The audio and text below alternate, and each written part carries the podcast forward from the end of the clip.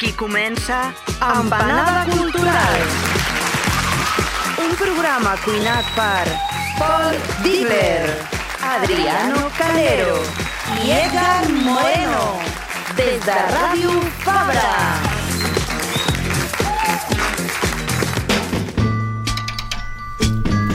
Doncs bé, aquí a Empanada estem bastant, bastant acostumats a entrar a bons jardins, eh? O sigui, que si política, i més venint d'unes eleccions bastant sonades, bastant azules uh, i verdes, uh, a religió, religió catalana, que podríem dir al Carràs, no?, en la política uh, cinematogràfica, però avui pugem al llistó i ens calcem unes bones botes de soladura perquè deixem els jardins per aventurar-nos a pujar muntanyes. I no estem parlant d'anar al Carmel, ni a Baicarca, eh, amic Marc, sinó, i tampoc a les muntanyes de merda que van estreure al pis del Prat, eh, Adriano, que vam comentar l'altre dia, a cop d'excavadora, sinó que avui toca superar reptes, fites d'altitud, no? On cada metre d'ascensió acaba sent una finestra simbòlica a la versió humana, espiritual, física i psíquica. Hòstia, ara sembla un discurs motivacional d'aquests de empanats, no? Hem de fer el de és. Sí. Perquè no creixem quan les coses són fàcils, sinó quan enfrontem els desafiaments. Aplicable a tothom menys a ciutadans. I és que només des del pic més alt es pot veure una gran panoràmica. I qui sap, potser aquesta panoràmica els hi dona la raó als nostres amics terraplanistes. I fent referència al programa de terrorisme que vam fer fa poquet, si la muntanya no va a Mahoma, els jardins segueixen estant aquí. Només els hem trasplantat al cim. Així que, empanats, empanades, si teniu vertigen, millor que de posar la cafeteria a la vora del foc, amb un lletet, amb un lletet, amb un gotet de llet ben calentona, que nosaltres agafem les eines i el funicular, perquè a veure, que som de ciutat.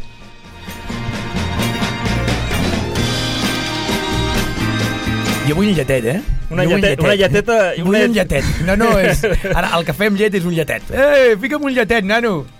Què passa, Marc, tio? Bé, Clar, bé, Vens a la bé. muntanya? Ara- Vinga a la muntanya. Anem a la muntanya! Ara, pels qui, pels qui estiguin veient i no escoltant només, uh, veureu que l'Edgar, cada setmana l'Edgar és una persona diferent. sí, Ara...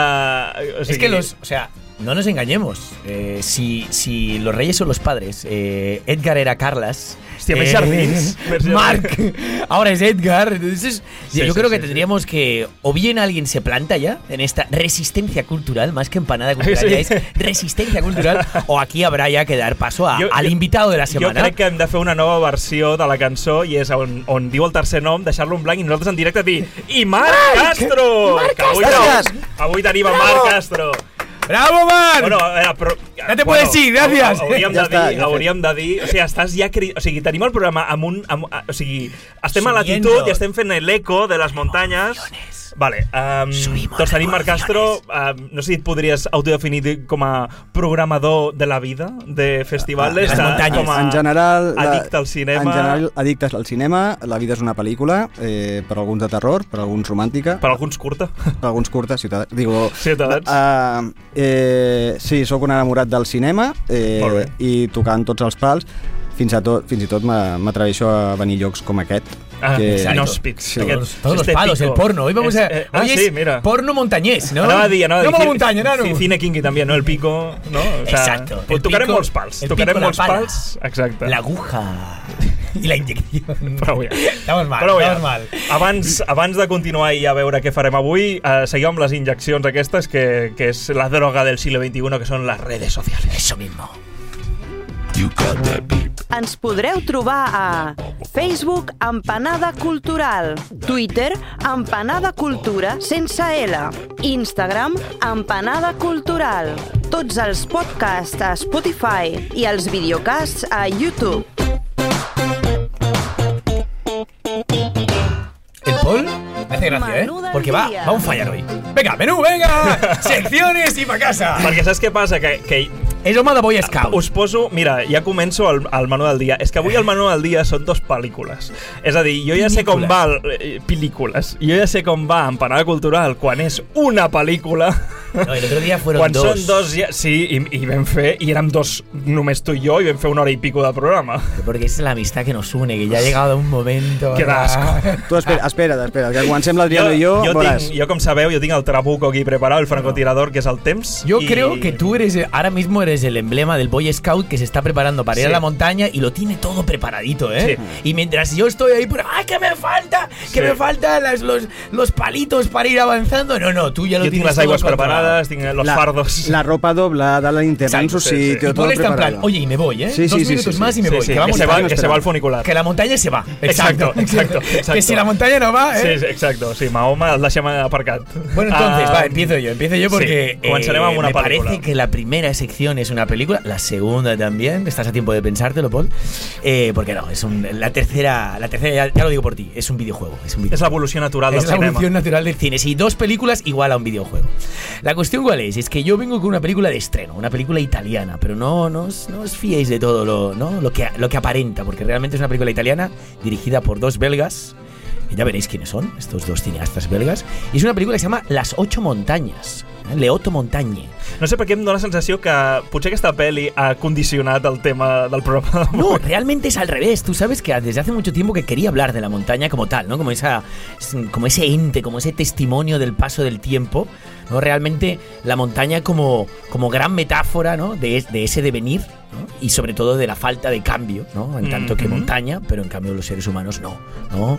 Y a la hora de la verdad, cuando vi esa película, dije, joder, hostia, es que esto encaja perfectamente. Pero ya tenía la idea, de hecho lo comentamos, ¿no? A raíz de otros ejemplos Ujú, ujú. culturales como son cómics de Gino Taniguchi Sí. o La cumbre de los dioses, esa película de animación, porque siempre me ha impactado, ¿no? Esa sensación, bueno, esa, esa realidad en la que viven muchos alpinistas de búsqueda continua, de ir más allá, ¿no? Donde, Sí, sí, el Kilian, ¿no?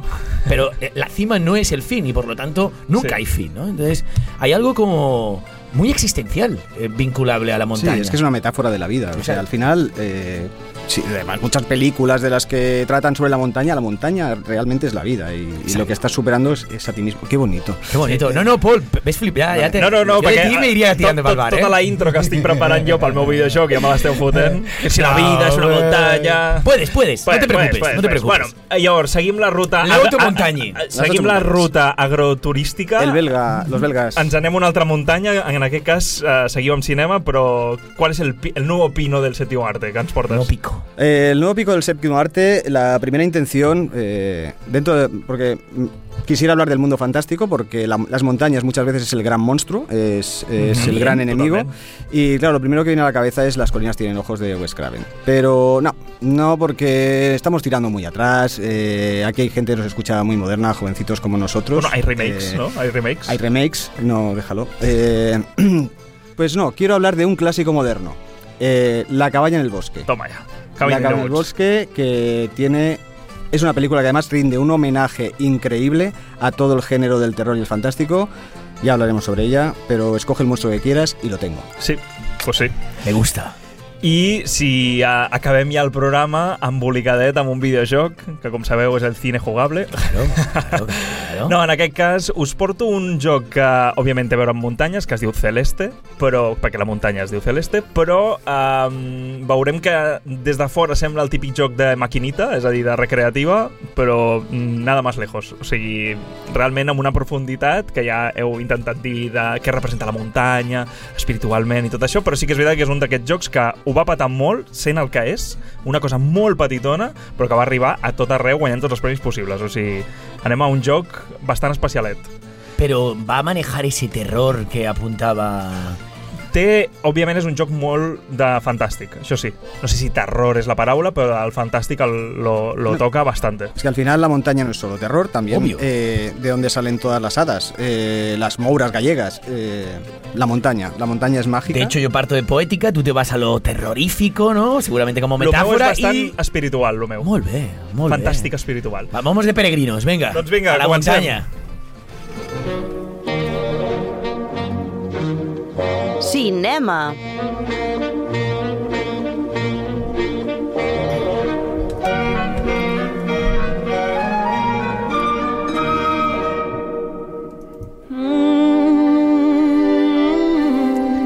Sí, yo me voy con el ukelele a la montaña, con la, con la guitarrita esta folk. Eh, és típic, És acojonant, és, eh? és típic dia de, de, de muntanya catalana. Te'n vas amb la guitarreta... Cumballá de un Sí, meu, ¿no? exacte.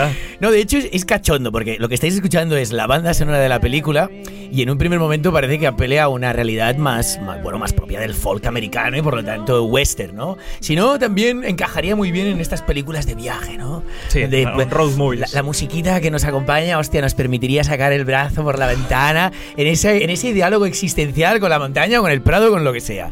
Pero no, no, no, no. ah, estamos hablando de una película italiana, como os decía, al menos la bueno, es, de hecho es una coproducción, ¿no? Francia, Bélgica, Italia. Y es una adaptación literaria de una novela que se llama Las ocho montañas, que en su momento fue un gran bestseller. Sí que es cierto que se le atribuye, yo no la he podido leer, como un puntito de novela de autoayuda, es decir, que parte de esta idea de la montaña desde el tópico, pero que gustó muchísimo, que ha sido súper leída y es una novela de, por cierto, Paulo Cognetti. ¿eh? No, Cognetti, no con la Coelho, coña. no Coelho. Ya, ya empezamos mal. Sería el Coelho de italiano, el Cognetti.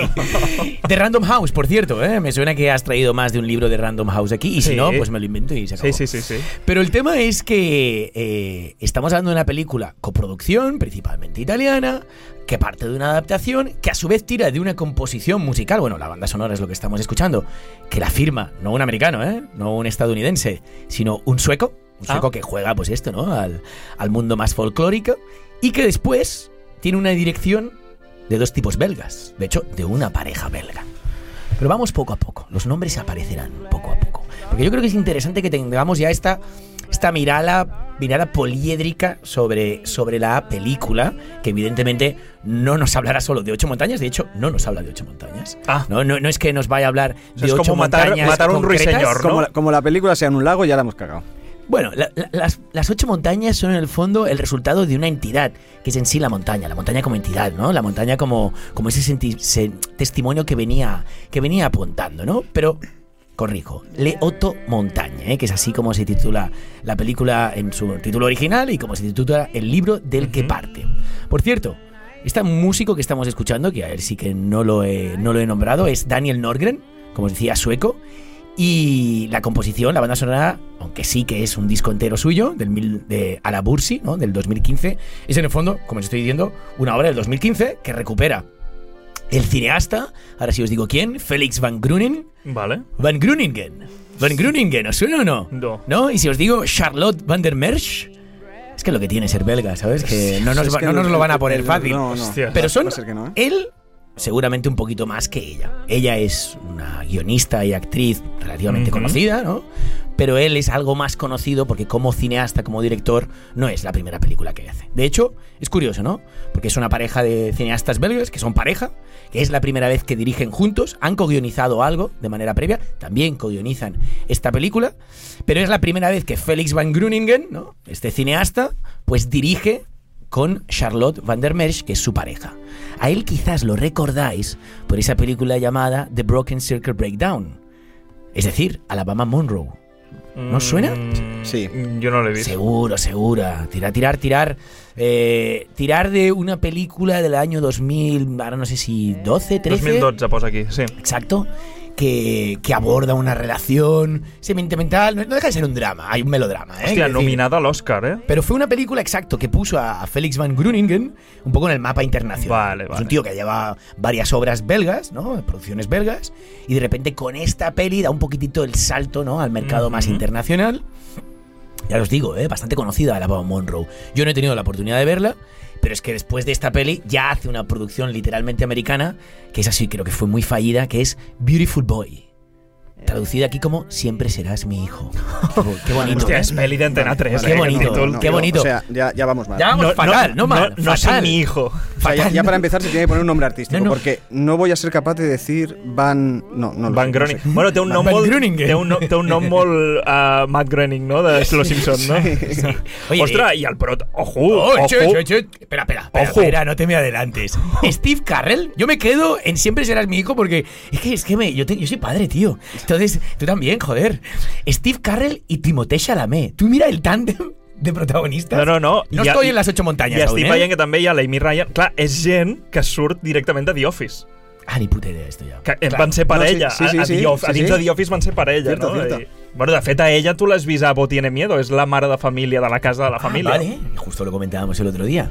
Pues bueno, ya veis que el tío este, eh, que le tira el melodrama, Sí. que le tira lo dramático, la lagrimilla. De lo- peli, I les pelis de dos hores, eh, també? Eso sí, no, no. Es que esta, esta ya dura dos horas y media, ¿eh? Si, si entramos en faenas y nos vamos a las ocho montañas, a ver, ¿quién, quién te ha dicho que a escalar una montaña iba a ser fácil? Ah, no, no. No, ya i, está. I ocho son, ja... son ocho, son ocho, o sea. Pero bueno, ya veis con este punto de partida que es un tipo que siempre ha jugado en lo dramático y en lo melodramático. De hecho, las ocho montañas también, quizás, una de las pegas que yo le encuentro. Estamos empezando por las pegas, mal, mal. Eh, pero sí es cierto que una de las pegas es el abuso de música. Y es la música que nos acompaña, que es- está muy bien para, para disfrutar, como os decía, de un viaje entre amigos. Pero no sé si para dos horas y media de película, cuando es tan potente la película en sí, y quizás la música lo único que hace es subrayar, es un cu- Sí. una cuestión melancólica que sobra, que sobra. Pero, pero si algo pasa en las ocho montañas, para corregir un poquitito lo que veníamos Ujú. comentando, es que yo creo que muchos de los pequeños tics que se le atribuyen a este cineasta, ¿no? En esa necesidad de subrayar, pero ya desde el lenguaje cinematográfico también, eh, aquí lo corrige. Quizás, ¿no? El hecho de poder dirigir junto a su pareja, ella, seguramente, en este caso Charlotte Van der Merch, ha podido pulir cuestiones que no estaban tan bien trabajadas en su cine anterior. Porque que sirva, ¿no? De, de mi opinión como Ujú. introducción. A mí, Las Ocho Montañas me ha alucinado. Es una película que me ha flipado. Vale. Todo el que he podido ver sus costuras y algunas cuestiones mejorables. Pero eso no quita que como película, hostia, más que una montaña, joder. Más que una montaña. ¿Y de qué coño va? ¿No? Porque estamos aquí rizando el rizo y ya os he dejado muy claro que no va de ocho montañas. Va de la amistad. Es decir, dejamos el drama a un lado, ese drama romántico que parece que le ha motivado en sus películas an- anteriores, para entrar en un drama basado exclusivamente en la amistad, ¿no? Y también con un con cierto tono existencial, porque es la amistad entre dos, entre dos opuestos. Un niño urbanita de Turín, se llama Pietro, y otro más salvaje, se llama Bruno. Y ellos dos se conocen ¿m? cuando apenas tienen 10 años en un pueblito, aparentemente grana, un pueblito alpino del norte de Italia, donde Pietro ¿eh? está yendo simplemente de vacaciones con su familia, con su padre y su madre, ¿no? Son los- la típica familia urbanita que tiene la oportunidad de disfrutar del campo, ¿no? Estamos hablando de los 80, pues X semanas al año. Y en cambio Pietro, Pietro este, ay perdona, Bruno, este niño más salvaje, literalmente vive allí, no estudia y más bien trabaja, trabaja a una edad muy temprana ayudando a su familia en las tareas del campo, ¿no? Como os decía, una amistad evidentemente entre opuestos y entre elipsis y elipsis, porque la película sabe manejar muy bien las elipsis, como si fuera una suerte de golpe de viento, ¿no? Que nos golpea en la cara mientras escalamos. Un día Bruno y Pietro se han hecho mayores. Y estos dos niños, pues ya son dos hombres, de ahí entramos en una reflexión sobre la amistad masculina, aunque tiene idas y venidas, porque durante mucho tiempo dejan de verse, se acabarán reencontrando y se acabarán reencontrando a través también de un pequeño drama familiar que pulula y que nos quiero, que pulula la película y que nos quiero descubrir. Así que ya veis que de algún modo, como punto de partida, estamos hablando de las ocho montañas, pero si hacemos un poquito de broma, se podría llamar Bruno, Pietro y la montaña. Tal cual, ¿eh? Que això també podia ser una pel·li del Miyazaki, eh? O de, o de Woody Allen, pero, pero en vez de urbanita, en la montaña. Que també és curiós que la, em dóna la sensació que les últimes pel·lis que has portat són d'amistat, no? La, de la de Banshees, com es deia, la que van a l'Oscar, la, Ah, The Banshees of Inisherin. Sí. Joder, ¿No? lo que pasa que esa... Almas en pena, no? Esa es una película que, que, que más bien aborda la amistad desde la ruptura Sí, de la sí, amistad. sí. Y es una amistad que, como bien vimos en su momento, podría ser claramente un reflejo de una historia de amor. ¿no? Sí. Aquí es interesante cómo aborda esta, esta amistad masculina, porque, insisto, ¿no? lo he dicho varias veces, hay una sensación de, de- de oposición total. Es decir, nosotros seguramente, nosotros tres, ¿no? por mucho que, que, que vivas en el Carmelo, No, tío, montaña, somos pero- tres pero urbanitas sí. de Total, pro. total. Y de alguna manera con quien empataríamos, con quien empatizamos claramente, es con el personaje de Pietro, ¿no? Con este niño de Turín.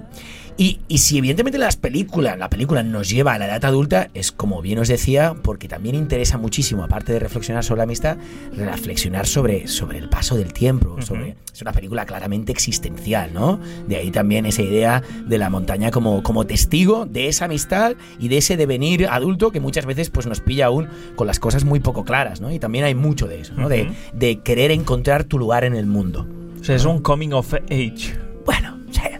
Aquestes coses que agraden tant ara de Slice of Life, um, no? que és tan català ara. Ah, fem-ho només en tots els, anglès, curs, això. tots els curs catalans que van als, Tots als, títols als anglès, Gaudí, no? no, no, no, que dic que tots són uh, Sí. no?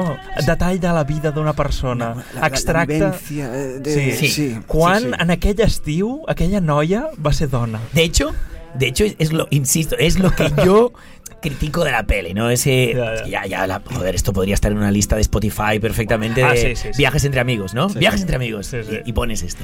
Oye, antes de entrar en el tráiler y poner un poquito de imágenes a esta historia, que sepáis que, que una de las, ¿no? de las virtudes de la película es ese retrato que ofrece de ellos dos, no solo de la amistad, sino de estos dos individuos, de sus diferencias. Y está claro que la película y la dirección y la escritura de guion tienen mucho que decir al respecto, pero hostia, los actores, eh, que en este caso a uno de ellos no lo conocía, es Alessandro Borghi, estamos hablando de Bruno, el salvaje, ella evidentemente de adulto. Y después está Luca Marinelli. Este es, eh, quizá por el nombre no suena, pero Luca Marinelli es el protagonista de Martin Eden. Martin Eden. Ah, hola, pues que un La, la, foto que està posada a Film Affinity té, té un canvi. O sea, es como ha madurado, ¿no? Desde Martin Eden. Coño, ¿Cómo es- fa Martin Eden? 2019, ¿eh? Quatre anys. Para mí fue uno de los mejores, ¿no? De las mejores sí, sí, películas sí, de sí, sí. 2019. Está bé, Martin Eden, peli. aquella adaptación de, de la novela de Jack London, protagonizada por este Luca Marinelli, que a veces peca de sobreactuación, pero poco a poco se va puliendo y aquí, al menos en las ocho montañas, yo lo veo muy, muy, muy adecuado. Está impecable. También Alessandro Borghi, ¿no? En, en ese, en, esa, en esa dualidad, ¿no? Que se presenta a través de la amistad. De hecho, quizás a Luca Marinelli. Yo te veo, Mark, que estás ahí como diciendo, Luca Marinelli. Luca Hostia Marinelli, puta, el no. cocinero, el pizzero de al lado de mi casa, me parece. Ese, ese no, Pero yo. seguro que si te digo, ¿le llamaban Jack Robot? Sí. Ah, que amábamos Jack Robot, ¿no? Y yo que amábamos Jack Robot, creo que es la película italiana Sí. de superhéroes, Sí. El malo maloso. Que se supone que ha cantado, que ha salido de un programa de, de una suerte de Operación Triunfo italiano. Y hay un momento, hay una secuencia que se pega un, un show. Es este, es Luca Marinelli, es el, diríamos, el malo de esta película tan friki que se llama Le llamaban Jack Robot. ¿A ti te suena, no, Paul? Sí, sí, però l'estic buscant, eh? Per, per, Passo por per posar, Sitges, pel·lícula per posar una fantàstica. mica en context. Vale, Na- sí, el cartell sí, sí. sí Nada sí, que sí. ver con el tono No l'he vist, eh? de estas ocho montañas. Claro, de hecho, el aspecto cambia un poco. Eh, sí, sí, es sí, sí. es- lo que tiene Sí, ese sí, actor, sí, ¿no? sí, sí, sí. No, no, oye, es buena, es buena señal. Pues vamos para ello, ¿no? Vamos a disfrutar del tráiler porque como os imagináis, ¿no? Ya lo he dejado clarísimo, no solo es la amistad y todo lo que conlleva, sino la belleza, ¿eh? La belleza y la manera en que se muestra dicha belleza, la de la naturaleza y la de la montaña, es algo que también impacta en esta película y evidentemente en lo visual.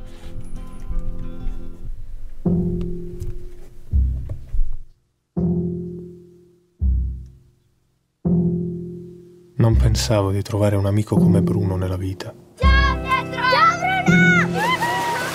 Né che l'amicizia fosse un luogo dove metti le tue radici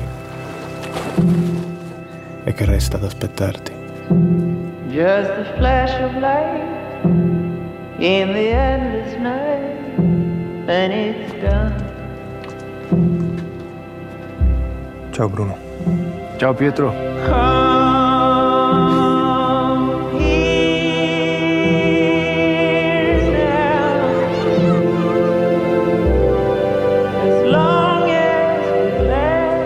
C'è un mondo fuori da qui. Non preoccuparti per me. Questa montagna non mi ha mai fatto male.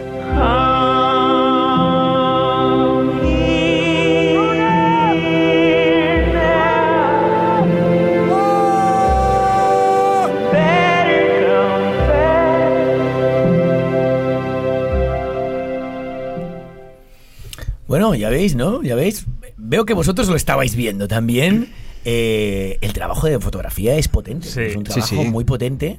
Está claro que el paisaje ayuda. A- Això t'anava a dir, hi ha vegades que la, la fotografia... O sigui, hi ha moltes pel·lícules inclús dins del terror, no? Mm. Quan, quan us en recordeu el Lamb, no? Sí, Aquestes sí. pel·lícules, o hi ha mil, eh? D'aquestes de, de casa al mig del no-res o mm, simplement paisatge, no? I tu pots agafar aquests els típics angulars de Lorenz d'Aràbia, no? I agafar i vinga, i paisatges nevats, paisatges amb boira...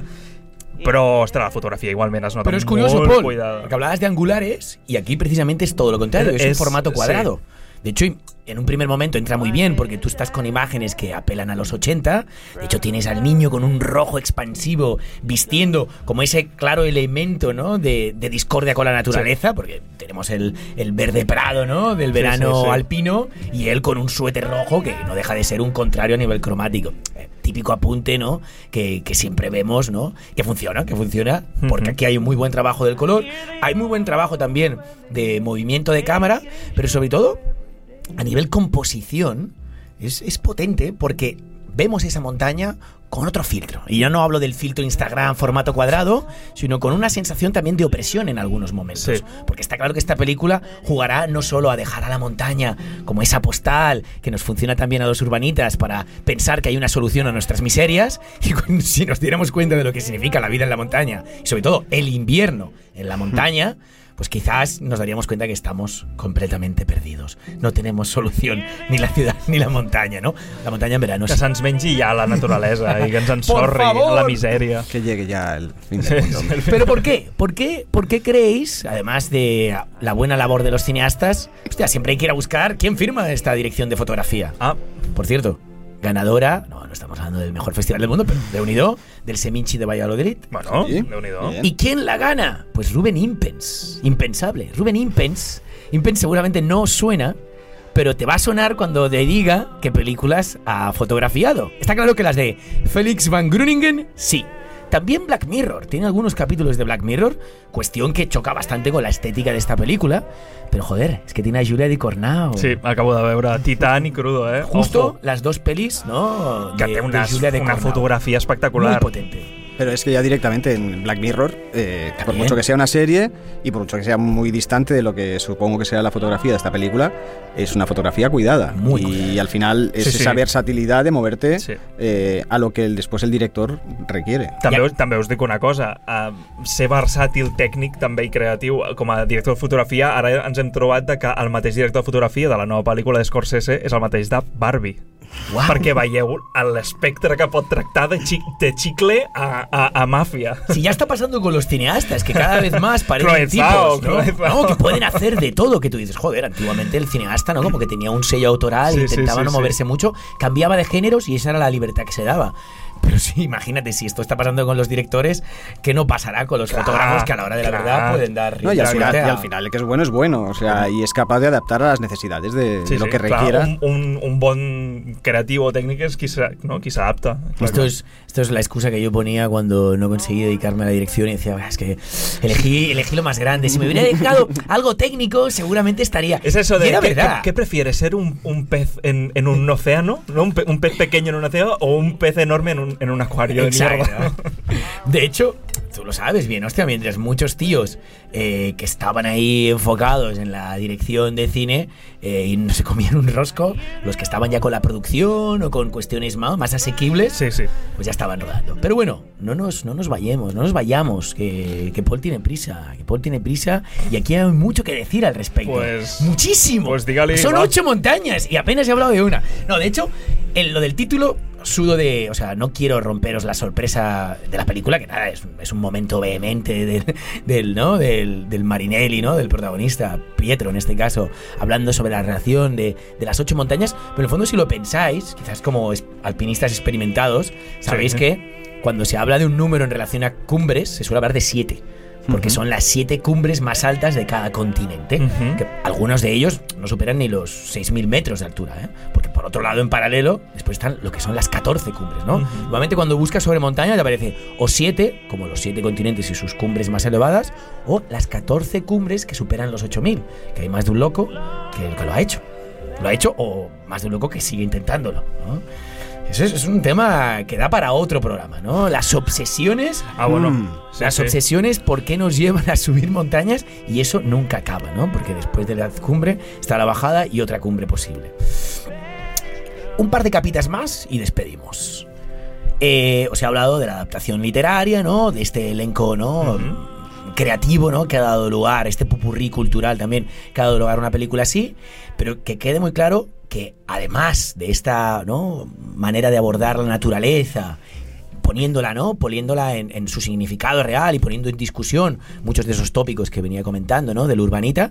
También hay algo muy interesante y es la relación que tiene Pietro con su padre.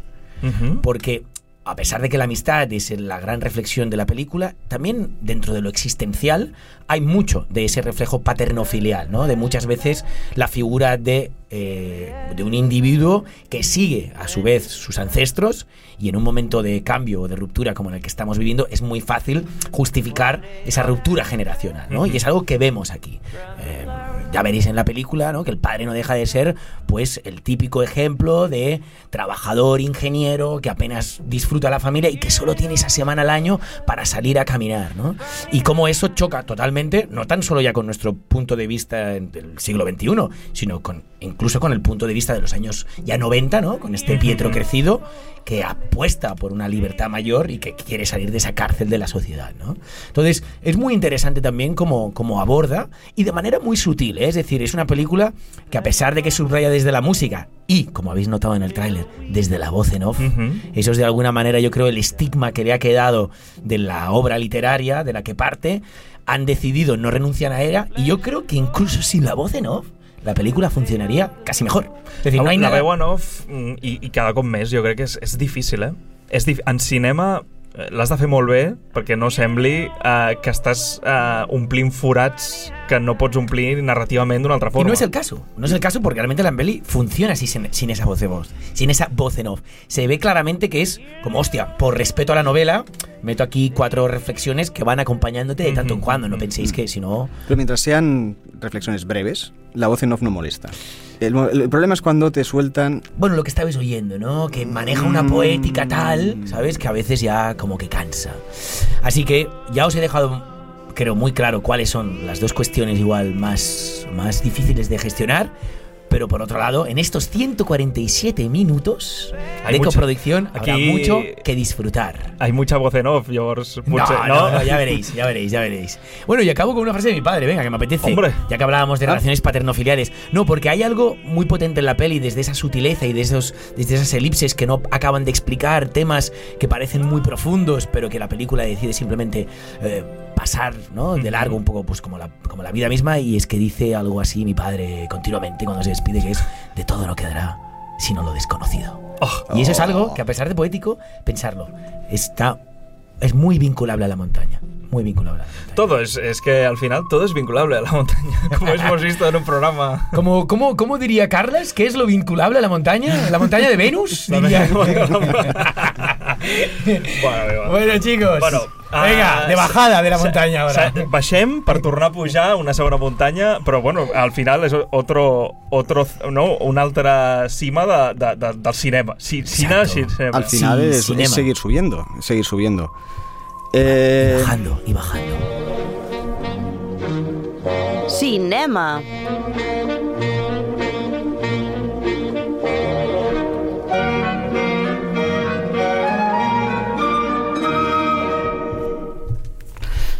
bueno, eh, yo también voy a hablar de cine. Voy a hablar de cine, pero Vaya. muy, muy. Me voy a apartar un poquito de. Lástima.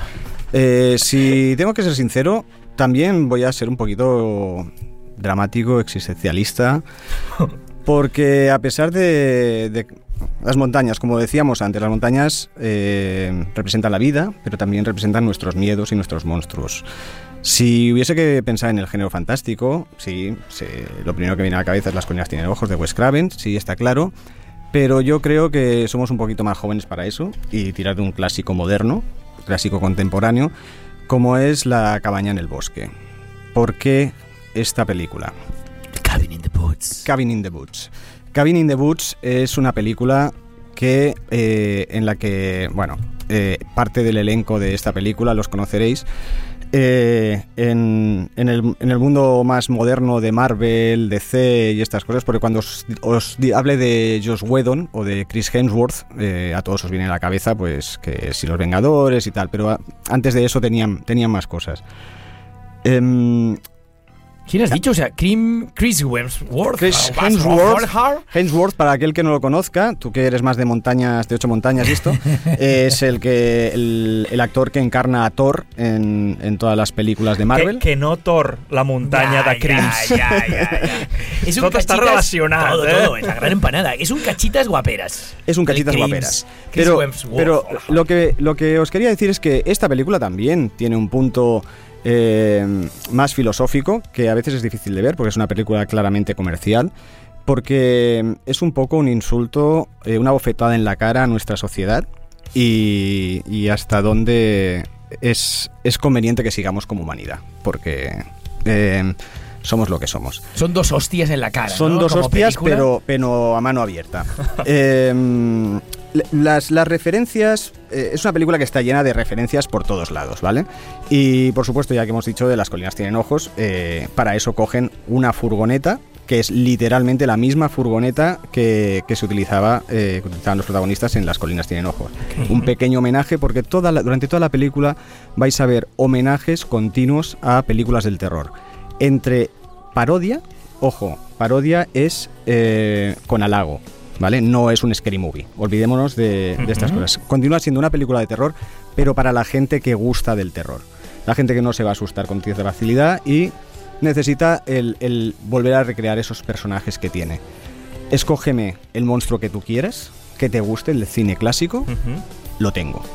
Lo tengo. Em, De hecho, hay ya veo aquí decir- que, perdona, ¿eh? que Sí. género, terror, ciencia ficción, fantástico, monstruos, comedia de terror, zombies, slasher, peli de culto. Joder, tío.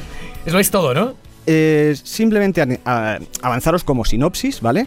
Que cinco chicos, jóvenes, incautos. eh, Cinco, curiosamente, que está el atleta, la chica guapita, rubia, un poco promiscua, eh, el, el listo, el, el empollón, está el, el loco fumeta y está la virgen, la... ¿Qué hay referencia al Club de los Cinco o Breakfast Club de los años 70? Puede ser, puede ser, es posible. Es posible. Antes de, seguir hablando de la película, veamos un poco el, tráiler y para que se va- nos, pongamos en situación. Everybody.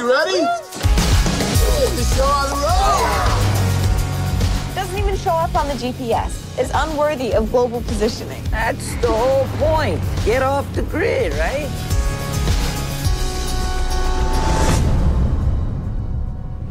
Hello? I'm thinking this thing doesn't take credit cards. Sign says closed. We're looking for, uh, what's it called? Tillerman Road. Now, to get you there, getting back. That's your concern. Oh, this is awesome. Whoa. No way.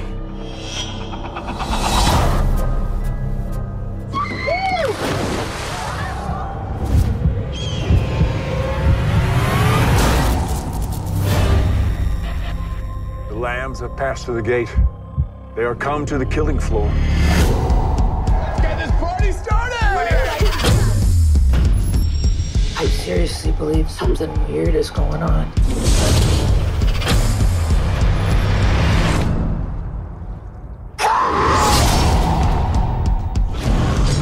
What is that thing?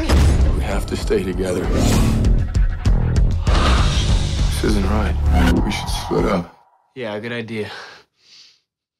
Really? We gotta get out of here.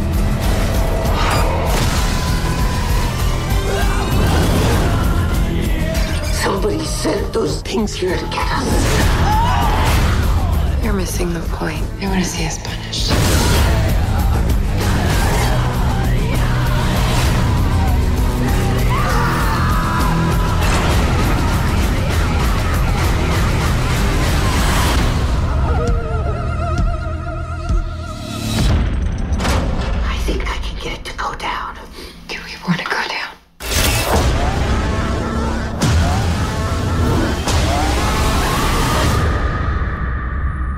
És que també és el típic tràiler de terror, eh? Sí, sí. Es Todos lo los que- tropos están. Y aquí yo creo que es el joc també. Pero Es que mola es, lo que dice, es- ¿no? es lo que, es lo que se busca. O sea, Sí, sí, sí. realmente se busca una película que homenajea al terror. Eh, de hecho, por eso se- eh, la hemos escogido. Eh, voy a remontarme un poco más atrás, de dónde se origina esta película. Eh, esta película fue co-guionizada por Drew Goddard y Josh Whedon.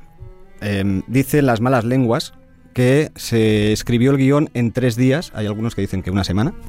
Eh, eh, Bueno, pero el baremo... Es muy Gaspar, es muy no está, esto, ¿eh? está ahí, ahí, ahí. Eh, ellos dos se conocían porque ellos dos han estado trabajando, estuvieron trabajando en, en Buffy Cazavampiros. Hostia, es Eh, verdad. En el 97 pone sí. aquí que, bueno, empieza la serie, ¿no? Sí, además, bueno, tienen, tienen alguna historia personal respecto a eso, porque entraron en el mundo del cine por todo lo grande y, y- y, claro, las fans y problemas sexuales aparecen y, y est- y estropean matrimonios. Pero bueno, eso, es otra- eso es para otro tipo de programa. Esto sí que también es peli de terror, ¿eh?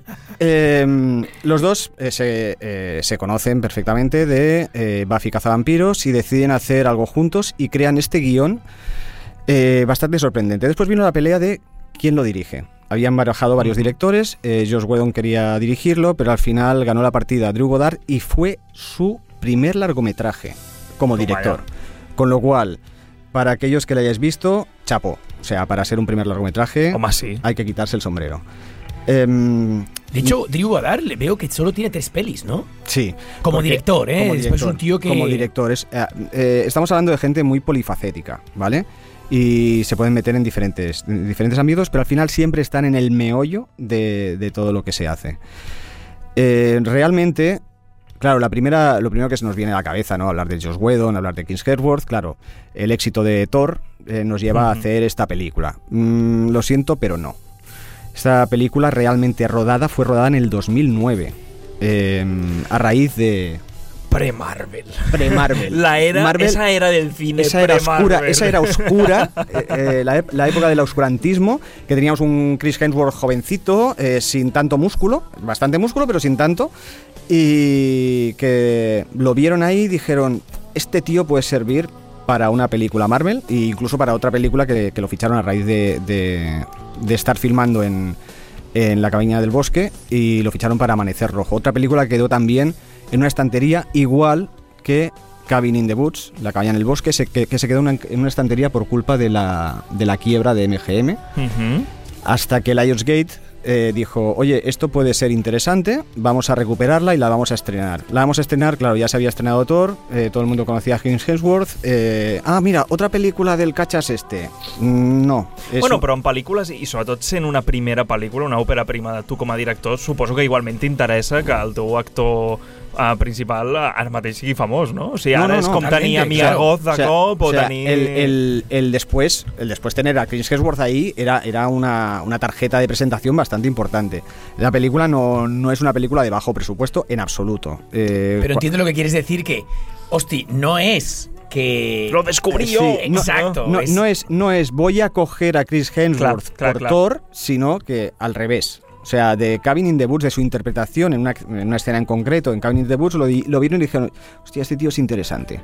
¿Vale? Triunfa con Thor y después eso les permite poder sacar adelante la película que se había quedado ahí como, ¿no? Parada, ¿no? Correcto. Eh, Drew Goddard y, y Josh Whedon intentaron hacer un pequeño homenaje a todas las películas de terror. Esta, eh, la película la podéis ver dos veces.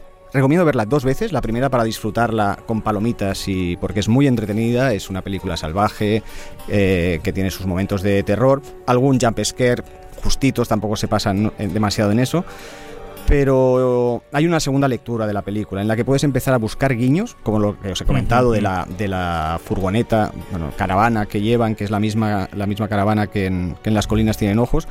Por ejemplo, como anécdota, eh, al principio de la película, el, el fumao, el Martin, si no recuerdo mal, eh, llega en un coche y hace una cosa extrañísima, que es que el tío con la ventanilla bajada cierra la puerta del coche. ¿no? Y deja el coche cerrado pero con la ventanilla bajada. Bueno, pues esto, esto era una manía de Drew Goddard. Drew Goddard tenía ese coche cuando era universitario y hacía exactamente eso mismo. O sea, la, la película tiene guiños, eh, tiene guiños Pues por ya es, me- ya es un meta-meta-guiño del director. Ya Sí, es que sí, me parece es ya más nicho imposible. Eh, las referencias clarísimas, en el primer momento en que ves la cabaña, la referencia a Sam Raimi a Posesión Infernal, mm, bueno, de hecho, el cortometraje en que se basa Posesión Infernal es Within the Woods y esto es Cabin in the Woods, o sea... De fet, no sé si ho anaves a comentar, però ara, com que abans hem estat parlant amb la teva pel·li, Adriano, de, del director de fotografia, he volgut tafanejar qui era, i el director de fotografia, no només ara, últimament, ha fet eh, The Menu, no? el menú, aquell de la Sí? Anya, Sí, sí, Anya sí. Taylor-Joy, sinó que, hòstia, ha fet la fotografia de, justament, de Evil Dead, de, de, de pel·lícules típiques del terror a, a nivell de gènere o sigui, eh, està molt posat per exemple, a la, les de Raimi de Possessió Inferno ai, Possessió, la de Arrastrame a l'Infierno Sí. o sigui, ha, fet, ha fet un muntó de, de lo que són uh, pel·lícules de gènere llavors és un tio que està entrenat però des de fa molts anys he vist uh, o sigui que ell mateix ja, ja deu ser com esa paròdia no? Es o sea, que, eh, es, es que realmente... estàs parodiant les pel·lis que jo vaig gravar fa Exacto, 20 anys no? exacto. Peter Deming, ¿no? Se llama el tío Sí. este que, de que estás comentando, el fotógrafo. Lo que, sobre todo, no entendáis una parodia como que nos vamos a echar a reír, pero Sí. sí, que eh, hace un poco se- se- un humor negro, ¿no? Respecto a las películas de terror. Bueno, Lo digo más que nada- ¿no? sí. Sobre el género desde el propio género. Es Y cuando, ves, y cuando ves la segunda lectura y ves los cameos, o sea, la- perdona, los guiños y tal, eh, también puedes estar leyendo la, la- la parte filosófica, ¿vale? Eh, es una película que tiene unas grandes referencias a 1984, el Ujú. libro. Eh, referencias, por supuesto, lo que habíamos dicho, Posesión Infernal, tiene referencias al Resplandor, eh, a todos los clásicos, Hellraiser, lo que quieras, es lo que te digo. Cógeme un monstruo, el que tú quieras, y yo lo tengo. O sea, diríamos que es la, la- la obra de terror cumbre. Porque Es- eso ya ha ido paso después al terror elevado. Si Es- te das es- cuenta, por una cuestión de, tiempo. el ¿no? homenaje, en homenaje al terror cumbre. El homenaje al terror. diría Claro, yo. pero aquí ha una... A la cumbre del terror, la ¡Eh! montaña! A la montaña. La gran empanada, otra vez. la montaña. Som-hi. Uh, no, però el que anava a dir és, justament a mi, a mi em passa, eh? Uh, hi ha una fina línia per mi entre l'homenatge i el... Otra vez. Cine dentro, o sea, cine dentro del cine em refereixo, no dic metacinema, sinó al l'autorreferència del propi art no? O sigui, de, de que a dins del gènere faci referència als clàssics del gènere, a vegades hi ha un punt de dir que vale, que sí... Hmm. No, jo crec- Però no, no, no, no però, Però dic, no en creo aquesta pel·lícula... Però, este exacte, caso, en aquesta en este caso, eh, la- funciona las- molt bé la pel·lícula. Mm, Las gotas que te va dando, y son a diferentes referencias, eh, están muy bien encajadas. Eh, voy a hacer una referencia sin llegar al spoiler y tal. Hay una referencia clarísima a Hellraiser, pero totalmente clarísima, pero que hay que haber visto y conocer Hellraiser. ¿Por qué? Porque es, aquellos que no hayáis visto, O visto el Hellraiser... cartel. eh, o visto el cartel.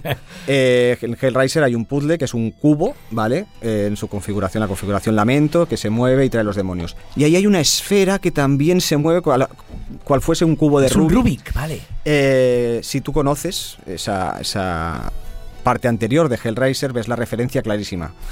Si no, pues te pasa como, bueno, un puzzle más y aquí no pasa nada. Pero es- eso me, me está recordando un poco al- a La Nuit Américaine, ¿no? La película de Truffaut, que era de nuevo una película que hablaba del propio cine, en este caso no dentro del género terror, pero era muy graciosa o muy interesante esa película desde la perspectiva que funcionaba para todos aquellos entendidos, ¿no? Del cine como, como una herramienta de reflexión artística. Y es decir, ¿no? Ya partiendo ya del título, La Noche Americana habla de un filtro que se utilizaba Sí. en Hollywood para representar que eran secuencias de noche cuando en el fondo estaban Es rodando ponle, de día, ¿no? ponle un poco de azul. Ponle Exacto. azul. Sí, ponle azul. Contrasta y azul.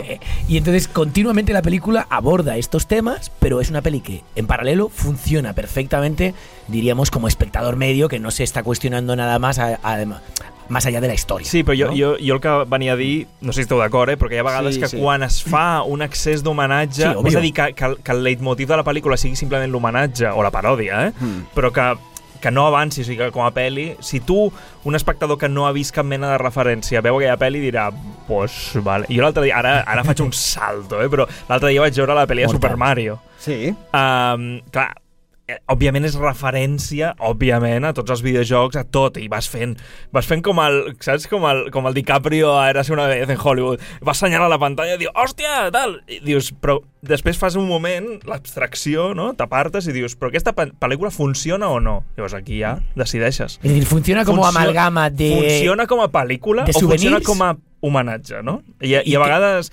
No sé què Nos dir-te. interessa tu opinió sobre Mario Bros. És, és molt entretè- Home, a veure, és que veníem d'una pel·lícula que, que era distòpica, la pel·lícula que van fer de Mario Bros, no. que era una cosa estranyíssima, cyberpunk, eh, bueno, una cosa Yo, loquísima. yo por Mario Bros aún veo a Luigi de, de carne, o sea, de carne y hueso. Aquesta, de color. aquesta. ¿En serio? Eh, i, aquesta, però si no hi ha una altra. Ah, no, collons. Sí, Ah, però jo el que estic dient sí, és és una pel·li d'animació que han fet ara. La isla de ahora. Però, no, bueno, és entretinguda. Sí, sí, sí, O sí. sigui, és entretinguda. Jo el que dic és que aquestes Mm. pel·lícules que fan homenatges No, no, molts cops es queden totalmente. a vegades amb l'homenatge. Aquesta pel·li no li passa a, a Cabin in the Woods. Es, es totalmente, porque la película vale la pena en sí misma y cualquier fanático del género de terror va a poder hacer lo que tú decías, de señalar con el dedo. Mira, un lago, Sí. Jason Voorhees. Mira, eh, parece que se tambalea. eh, es eh, eh, Michael Myers, ¿sabes? Eh, puedes ir... ¿Y, te eh, va- ¿Y te da miedo? Eso es lo importante. da miedo lo justo y necesario. Porque claro, si No- dominas tanto, estás continuamente viendo referencias y No, estás no, ahí como, eh, comiendo tus palomitas, no, ¿no? eh, claro, hoy en día películas que den miedo es, es complejo, ¿vale? Eh, y, y precisamente por eso lo hace, ¿no? Eh, el público del género del terror ya está muy acostumbrado, muy avezado a todo. Total. Y entonces es, mira, no voy a darte miedo por darte miedo, que los tiene, los sustos los tiene. pero mantiene la tensión y la mantiene de, de una manera muy correcta. Incluso para colmo de homenaje, y eh, voy a dejarlo ahí sin entrar en mucho más para no, no estropear a quien no lo haya visto, se permite el lujo de homenajear a una de las heroínas del terror, a Sigourney Weaver. Em, Alien. Vale, eh, ahí lo dejaré para que la busquéis dentro de la película eh, y ya lo descubriréis. No era, no era la primera, de hecho, el personaje que interpreta a Sigourney Weaver no era la primera eh, opción. Su primera opción, eh, eh, se me ha ido el nombre como siempre, es la, la- el personaje, el, el actor principal de la, la película Posesión Infernal, Bruce Campbell. Sí, Bruce perdón, Campbell. Bruce Campbell. Directamente Bruce Campbell, pero Bruce Campbell por bueno, unas cuestiones de trabajo y tal no podía y la segunda opción que para mí fue muy acertada fue Sigourney Weaver. Mm, hasta tal punto se ríe del espectador y se ríe del terror que Drew Goddard de manera mm, intencionada cuando el, el inicio de la película estaba hecho para que cuando la gente entrase en el cine se pensase que se había equivocado de sala. Això m'encanta.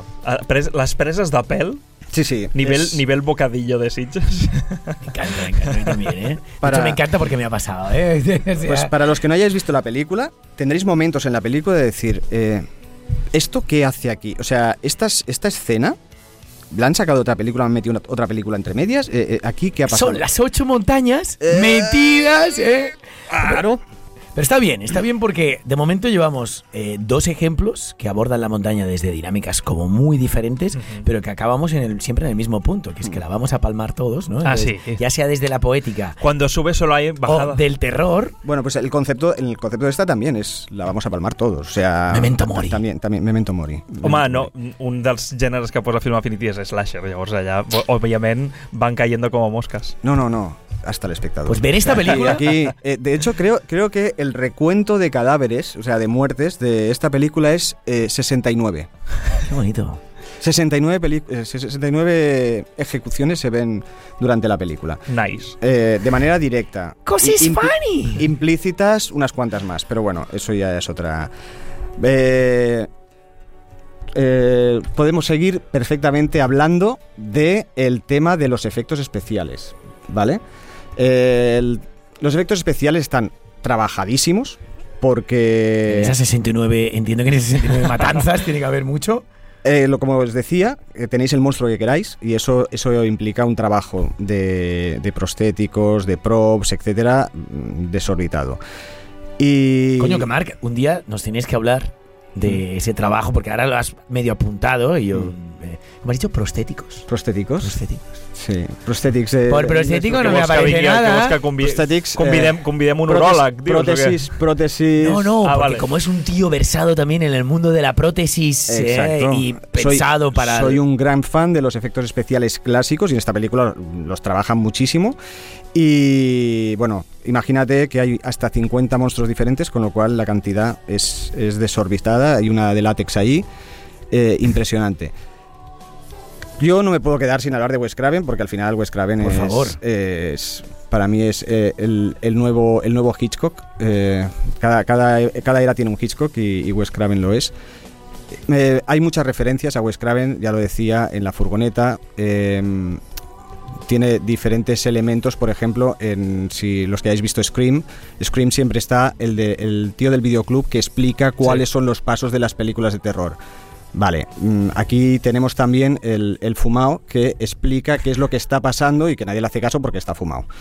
Em, pero la referencia más clara, que el nexo más claro que se puede encontrar con Scraven, eh, todos los efectos especiales que llevaron muchos premios de esta película están creados por una, empresa que se llama FX Studio. FX Studio la fundó eh, David Leroy Anderson con su padre y poco más tarde se incorporó eh, la que fue su mujer, con la que se casó, Heather L.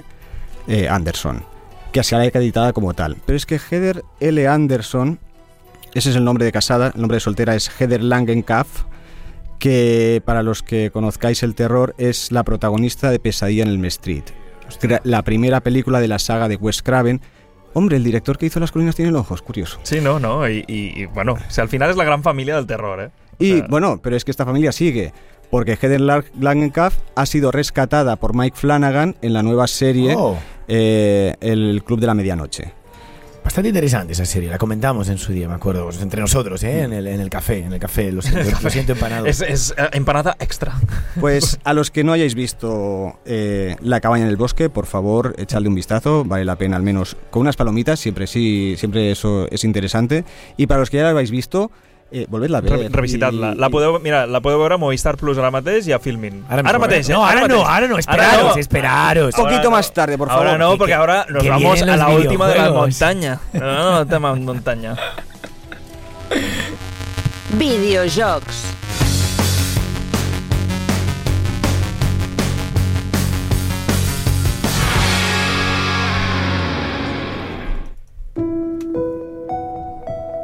Aquí ja baixem. Ara és el moment zen que es pugem a la muntanya, però però pugem poquet a poquet. meditando. A la, sí, elevando, ¿no? O sea, cru- cruzando las piernas y subiendo, no escalando. Ari, por favor, ven. Exacte. Que, que nos tienes que acompañar en este viaje, en este viaje espiritual. A, a vegades parlem de videojocs des del punt de vista dels controls, de la jugabilitat, uh, cada cop més de la narrativa, no? O sigui, cada cop més en cinema s'ha vist ja adaptacions uh, des de Last of Us uh, o videojocs directament que, que aposten per una narrativa molt cinematogràfica potser perquè després volen ser adaptats en cinema, no? Si ja et dic, Last of Us, God of War, uh, Metal Gear, que més ha- han anunciat un, un remake, um, um, és que tenim mil... Bueno, ara estàvem parlant també de Super Mario en, en funció d'animació, però no deixa de ser, òbviament, uh, adaptacions Resident Evil, Silent Hill, eh, trobem mil, no?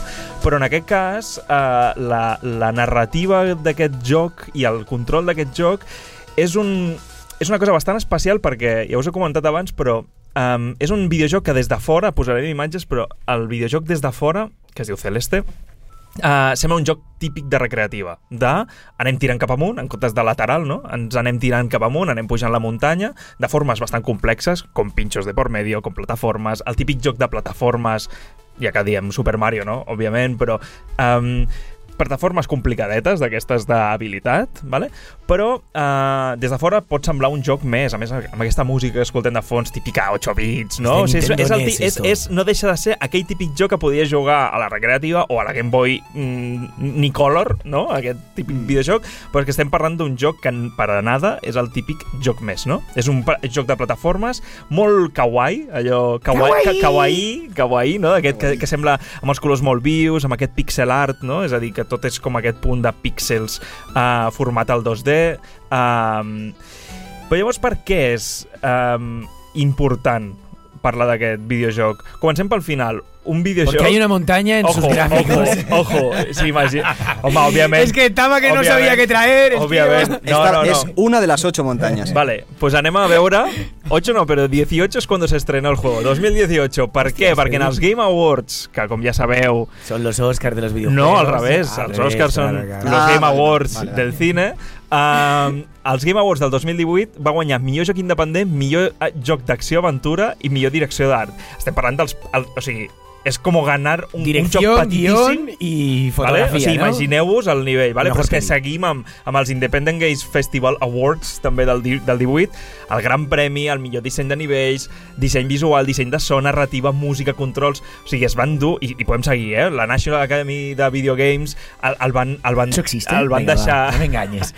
Yo- a, El- a- a mí me está enredando. National ¿eh? Academy, el, eh? Yo soy un neófito en el esto van, el van deixar com un dels millors jocs de l'any. Un joc molt petit, però bueno, això és la primera part, el tema dels, dels premis, no? Um, història, i això ja ho hem avançat una mica abans, no?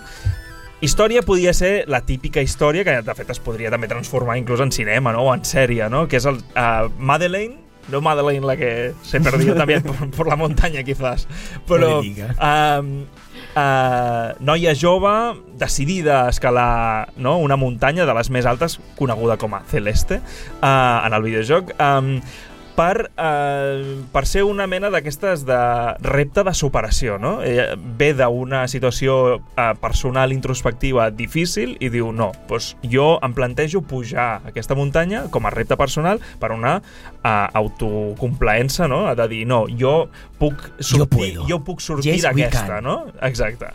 Um, què passa?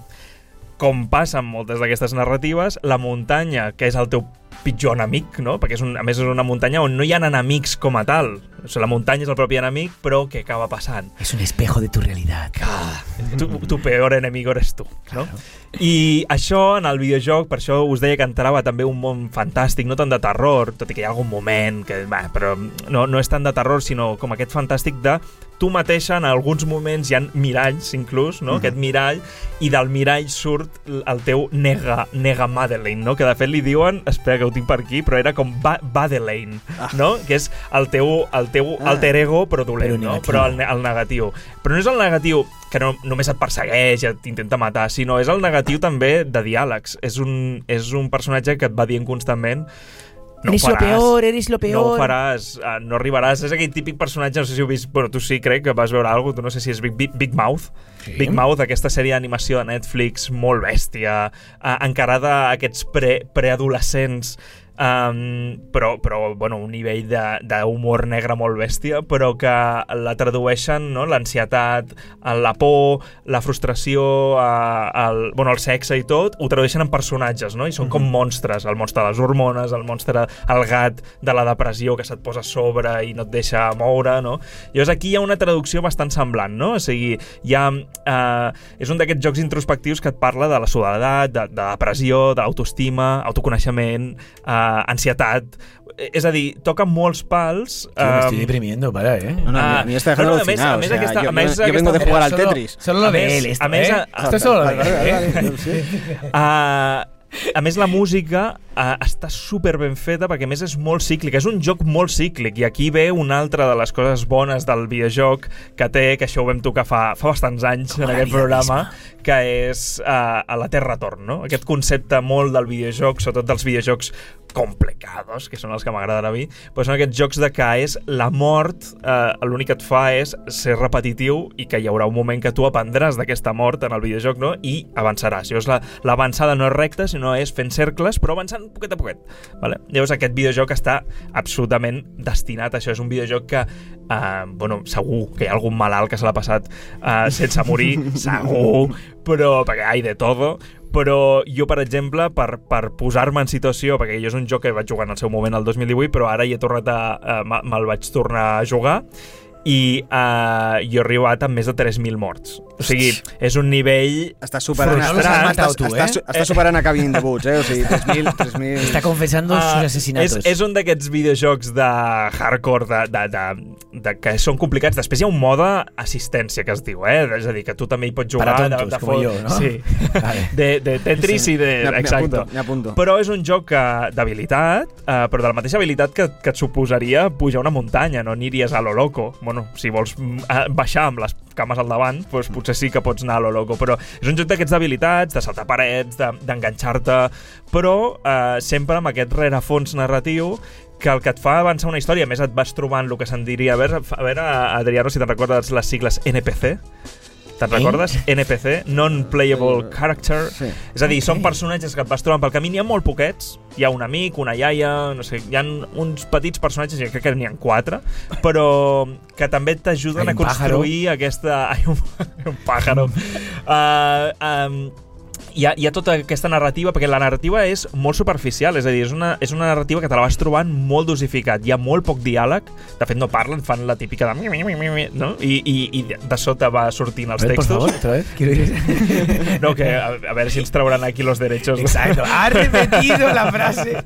Però, però, però que és d'aquests jocs que com que la mort és tan cíclica i cada nivell Uh, a més, la mort és molt ràpida, és a dir, tu a la, a la, a la que et mors tornes a començar ràpidament. És a dir, no, Hostia, no et dona, poles, no, ¿no? dona, no hi ha poles, ¿eh? Venga, venga, que nos vamos a morir rapidito, ¿eh? Vinga, vinga, vinga, vinga. Vinga, ràpido, ràpido, va. Però uh, és com passa en molts d'aquests videojocs, tipus els Dark Souls i tots aquests que hem portat altres cops, um, la la mort i la frustració que et genera al final, que quan tu passes, no? quan passes aquell Superació. nivell és una superació. I, es, I això jo crec que se li, li encaixa perfectament a un videojoc com aquest, no? És a dir, la, la... perquè no és la frustració només del fet d'anar pujant i pujant, perquè tu eh, hi, ha, hi ha els checkpoints, no? hi ha com los campos base a cada nivell de la muntanya, però a cada una d'aquestes fases, que crec que n'hi ha com set, o sigui, és un joc que si anessis per feina seria ràpid, però aquests típics jocs que, que de, de, de l'estil plataformeo que normalment et porten 3 horetes, o sigui, 4 com a molt. Aquest videojoc estem parlant de que si ets hàbil pots estar de 8 a, a 15 a 20 hores, que per un videojoc d'aquests és molt, és molt raro de que estiguis tantes hores, no? Llavors hi ha aquesta, aquest, aquest subgènere de la dificultat satisfactòria, no? Que és com, són jocs difícils però que re, repeteixo, te eh? compensa, repeteixo que podeu jugar-lo amb assistència i, de fet, hi ha un, hi ha un mode de joc que, que això també ha creat molta, molta comunitat a internet, que hi ha un mode de joc que és que tu et pots crear els teus mapes, no? Tu pots crear la teva muntanya. Ah, que Llavors bé. tu pots crear la teva, um, bueno, a- la, la teva muntanya de dificultat per altra gent, no? Llavors també és, és superinteressant de com la gent ha anat creant, això també ho, ho ha fet altres grans jocs com Portal, no? Que Portal, eh, no sé si el Ferran ho va portar fa bastants anys, eh, Portal és d'aquests de ciència-ficció futuristes on tu tens una, una arma, que no, no és que mati, sinó fa un portal blau o un portal taronja. Llavors tu, quan poses el blau i després el taronja, es crea un portal, és a dir, que tu pots entrar pel taronja i surts pel blau. I a partir d'aquí Uh, és un joc de puzzles. infinites. És un joc de puzzles, no? Buah. És, òbviament, si tu poses un portal al terra i un altre al sostre i et tires, acceleres infinit. Llavors, si tu a mitja baixada dispares a un lloc, surts disparat d'allà. Llavors, és, és un joc de, de, de, de puzzles perfecte, no? Llavors, a, a, el Celeste no és tant de puzzle, és un puzzle des del punt de vista trencaclosques, perquè si no, no es dona la subvenció. Uh, és un trencaclosques, però des d'un punt de vista molt uh, de com, com em passo aquest petit nivell, no? com arribo a saltar, hi ha vent, o sigui, hi ha, hi ha molts fenòmens meteorològics, hi ha fenòmens de de, de, hi ha llocs nevats que rellisques, llavors tot has de tenir com calculant, no? Ja no, no val només xupar-te el dit i, i alçar-lo com per... Llavors és un d'aquests jocs que, que a més si encara vols més complicació, quan t'acabes el joc vas trobant uns casets uns casets eh, que, que, que són les cares B de cada una de les fases. Llavors, les fases encara es compliquen més, o sigui, és un joc d'aquests que realment... Bueno, narrativament i de joc ja ho hem parlat, eh, això va convèncer moltíssim a la gent i els jurats de tots els festivals perquè van dir, hòstia, aquest joc crec que aporta molt més del que a priori sembla per imatge, però després és, que a mi és el que em fascina més, que ja gairebé per tancar la secció, que és l'equip. És un videojoc que a priori Primer, està fet per un estudi canadenc que ja n'entenen bastant de muntanyes nevades també. Uh, Matt Makes Games. Ah. Vale? El Matt fa Sí, jocs. sí, ja està. Mira lo- a lo Makes més Games? curiós, Pues sí, perquè bé, Matt, bé. Matt Thorson és Tiene un punto de literación el creador ¿eh? del videojoc. És un únic creador. Després sí que es respalda d'amics seus que l'ajuden a finiquitar el la equipo es música, però és ell ha Matt fet aquest videojoc. O sigui, Ma- Matt flipeu. juegos, o sea- Però flipeu de que un videojoc amb una complexitat de guió, de personatge, però després també de jugabilitat, de crear comunitat online, de la música... La música sí que en aquest cas la va fer Lena Rain, un, un, una compositora, però sí que és veritat que ell va, és, és com que va, va crear les bases, va, o sigui, tota la idea musical la va fer ell. O sigui, és un tio que, hòstia, trobo que va, va dissenyar els nivells, el sistema de joc, i clar, que una persona així arribi a guanyar. És el que us dic, imagineu-vos que arriba a l'Oscar una pel·li que l'ha fet una persona... A veure, el cine a vegades és més complicat, no? que no sigui una feina d'equip, però és que el videojoc, normalment, que són equips, vamos, de centenars de persones, eh, aquí estem parlant d'un equip d'una persona i sus amigos, no? O sea, és com...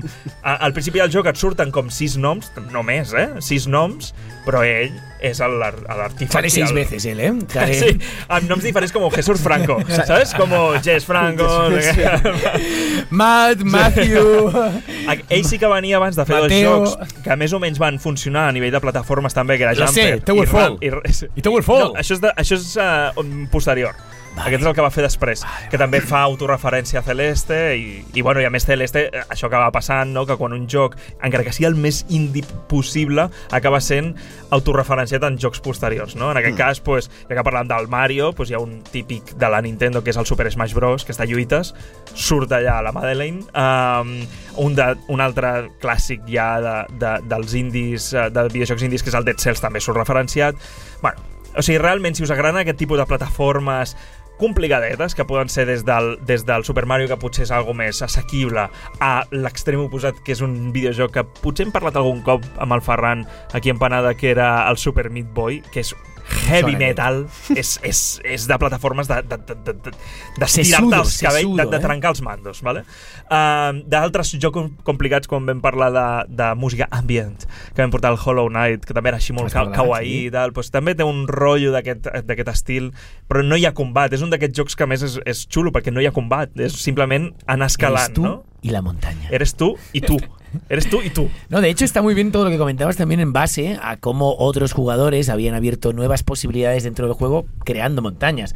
Y eso es el gran reflejo ¿no? del alpinismo a la hora de la verdad. La montaña está ahí, pero todos aquellos que han pasado han ido abriendo caminos y esos caminos que han abierto Sí. muchas veces son el- en sí la justificación de, de la conquista. Gente que no ha podido, pero el segundo, Sí. ¿no? el segundo que estaba ubicado unos metros más abajo, eh, haciendo vivac esa noche, Sí. en tanto que el otro no ha podido, él lo conseguirá. ¿no? I mira, i part de la comunitat també és interessant de que, clar, hi ha nivells que és molt complicat i has de és molt el think, think out of the box, no? O sigui, pensar més enllà del que t'està donant el creador del videojoc, és a dir, tu veus una pantalla, més, si, si heu vist les imatges, és una pantalla 2D, de costat, no?, i tal, però um, hi ha pantalles que dius, hòstia, m'he trencat el cap perquè per aquí salto, d'aquí reboto, però mentre estic fent això faig no sé què, i clar, arribar a aquestes conclusions a vegades és molt complicat en aquest joc.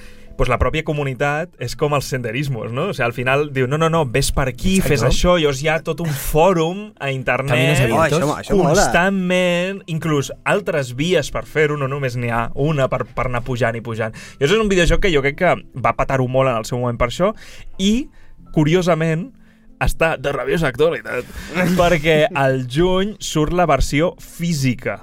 Crec que hi havia la versió física de Switch, que és on crec que originalment va sortir a Nintendo Switch, però ara que jo hi he estat jugant concretament a la Play, uh, ara surt la versió física aquest mes. vas- Curiosa, és curiosament... Te vas con ellos a la montaña. ¿Cómo, cómo, cómo es? A ver, Però és molt curiós, és molt curiós que justament portem ara... Això va ser perquè ahir vaig passar per un game i vaig veure-ho anunciat i dic, Celeste, i dic, però què és això? I la em diuen, no, no, és que ara surt, surt la versió física, és a dir, sabeu que ara mateix la majoria de videojocs ja es poden comprar online, uh, i la versió física surt només com per exemple en Blasphemous, que també el vam portar a l'espanyol, uh, quan ho has patat bastant, perquè si no... Sale cuando tú hablas de ello en Exacto. Empanada Cultural. Ah, exacto. Ahora Ah, es exacto. Están cuando hay que aprovechar, Ah, va en paralelo. Pendientes. Pues Bueno. res, uh, per tancar, ja, ja tanquem. Uh, si vols anar fent la despedida, Uri, uh, però... Uh, ah, no, vols fer la... Hombre, fe, fem l'agenda. Bueno, favor. pues, abans de, pues, Hostia, pues mira, que tenemos a Marc Castro tira l'agenda, perdona, perdona. Fem l'agenda. Esto no puede ser, ¿eh? ¡Qué Esto no puede ser. Esto no puede ser, ¿eh? Pues començo jo, l'agenda. Uh, aquest mes surt de videojoc Celeste. Uh, el podeu trobar amb PC, PlayStation, Xbox, Switch. Celeste, que son para los 2D eh, lo que Super Mario Odyssey supuso para los 3D. Lo he leído por Uau, ahí. uau, uau. Lo he leído por ahí. Hòstia, ¿Es cierto això- o no? ¿Estás de acuerdo? Ostres, no ho sé, eh? No, No? sé, no Pues sé, no que- dir-te. Això ho hauria, ho hauria de ruminar. De, De, ruminar. de ruminar, escolta, anem a ruminar Bueno, una a mica. veure, què tenim d'agendes? De Tenemos- cine suposo que n'hi ha un montón, no? Tenemos De cantidad de, películas, panden- dentro de poco el, el estreno de Boogeyman, de Boogeyman Mm. basado en un relato de Stephen King. Eh, no he tenido ocasión de verla todavía, pero todas las críticas recibidas la ponen por las nubes. ¿Sí? Una de las mejores Ah. adaptaciones de relatos de Stephen King. De hecho, iba a salir directamente a plataforma digital y con el éxito de la crítica previa de, de los críticos dijeron que no, que a sala de cine. Ah, mira. De Boogeyman. Bueno. Eh, no sé cuándo el estreno, pero es- eh, no, no le queda mucho, no le falta mucho. The Boogeyman. Boogeyman. Yo realmente, mira, has empezado hablando de cine, pero yo quería aprovechar esta agenda para recomendar. Ah. Lo he mencionado un poco de pasada, ya que hoy seguramente se nos unen cantidad de amantes alpinistas, eh, porque han encontrado en Empanada Cultural también, ¿no? La justificación para reflexionar sobre su gran hazaña. Joder, hostia, un cómic.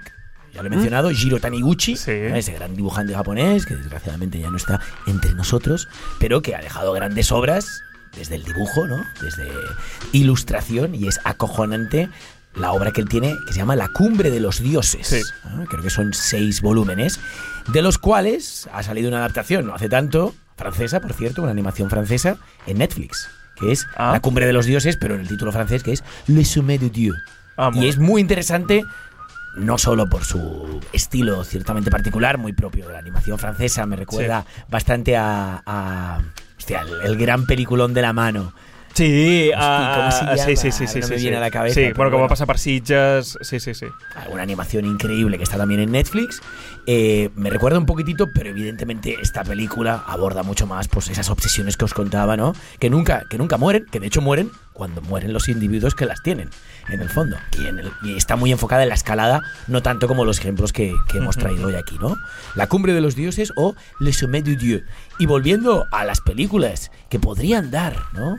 Futuro a nuestros nuevos, nuestras nuevas empanadas. Ujú. ¿Qué tenemos? ¿Qué tenemos, Paul? Pues tenemos Asteroid City, Ah. que es esa, parece, ¿no? Cagadilla, porque de hecho... Cagadilla? Sí, la han Sí. dejado bastante mal. Ostres, doncs jo he estat llegint que justament venia Wes Anderson de fer... Uh, anava a dir Wes Craven. uh, Wes Anderson de fer uh, justament pel·lis que per mi eren un nyap. O sigui, ¿Sí? visualment, per mi visualment sempre és La Isla de perfecte. Perros me moló mucho a mí, por cierto. Sí, però t'estàs remuntant ja a quatre pel·lis, eh? Sí, no, sí, exagerado. Sí, home, Budapest... Uh, uh, Es anterior. Ah, Gran Budapest és Budapest és anterior ah, vale, vale. a- Bueno, no creo sé, jo, jo Wes una Anderson, película. les últimes pel·lícules, sincerament, eh, les veuria sense so. Perquè no m'interessa per anar de la història, però visualment sempre és The molt French atractiu. Connection fue la última. French Connection, és veritat. The French, Dis- Connection French fue la última.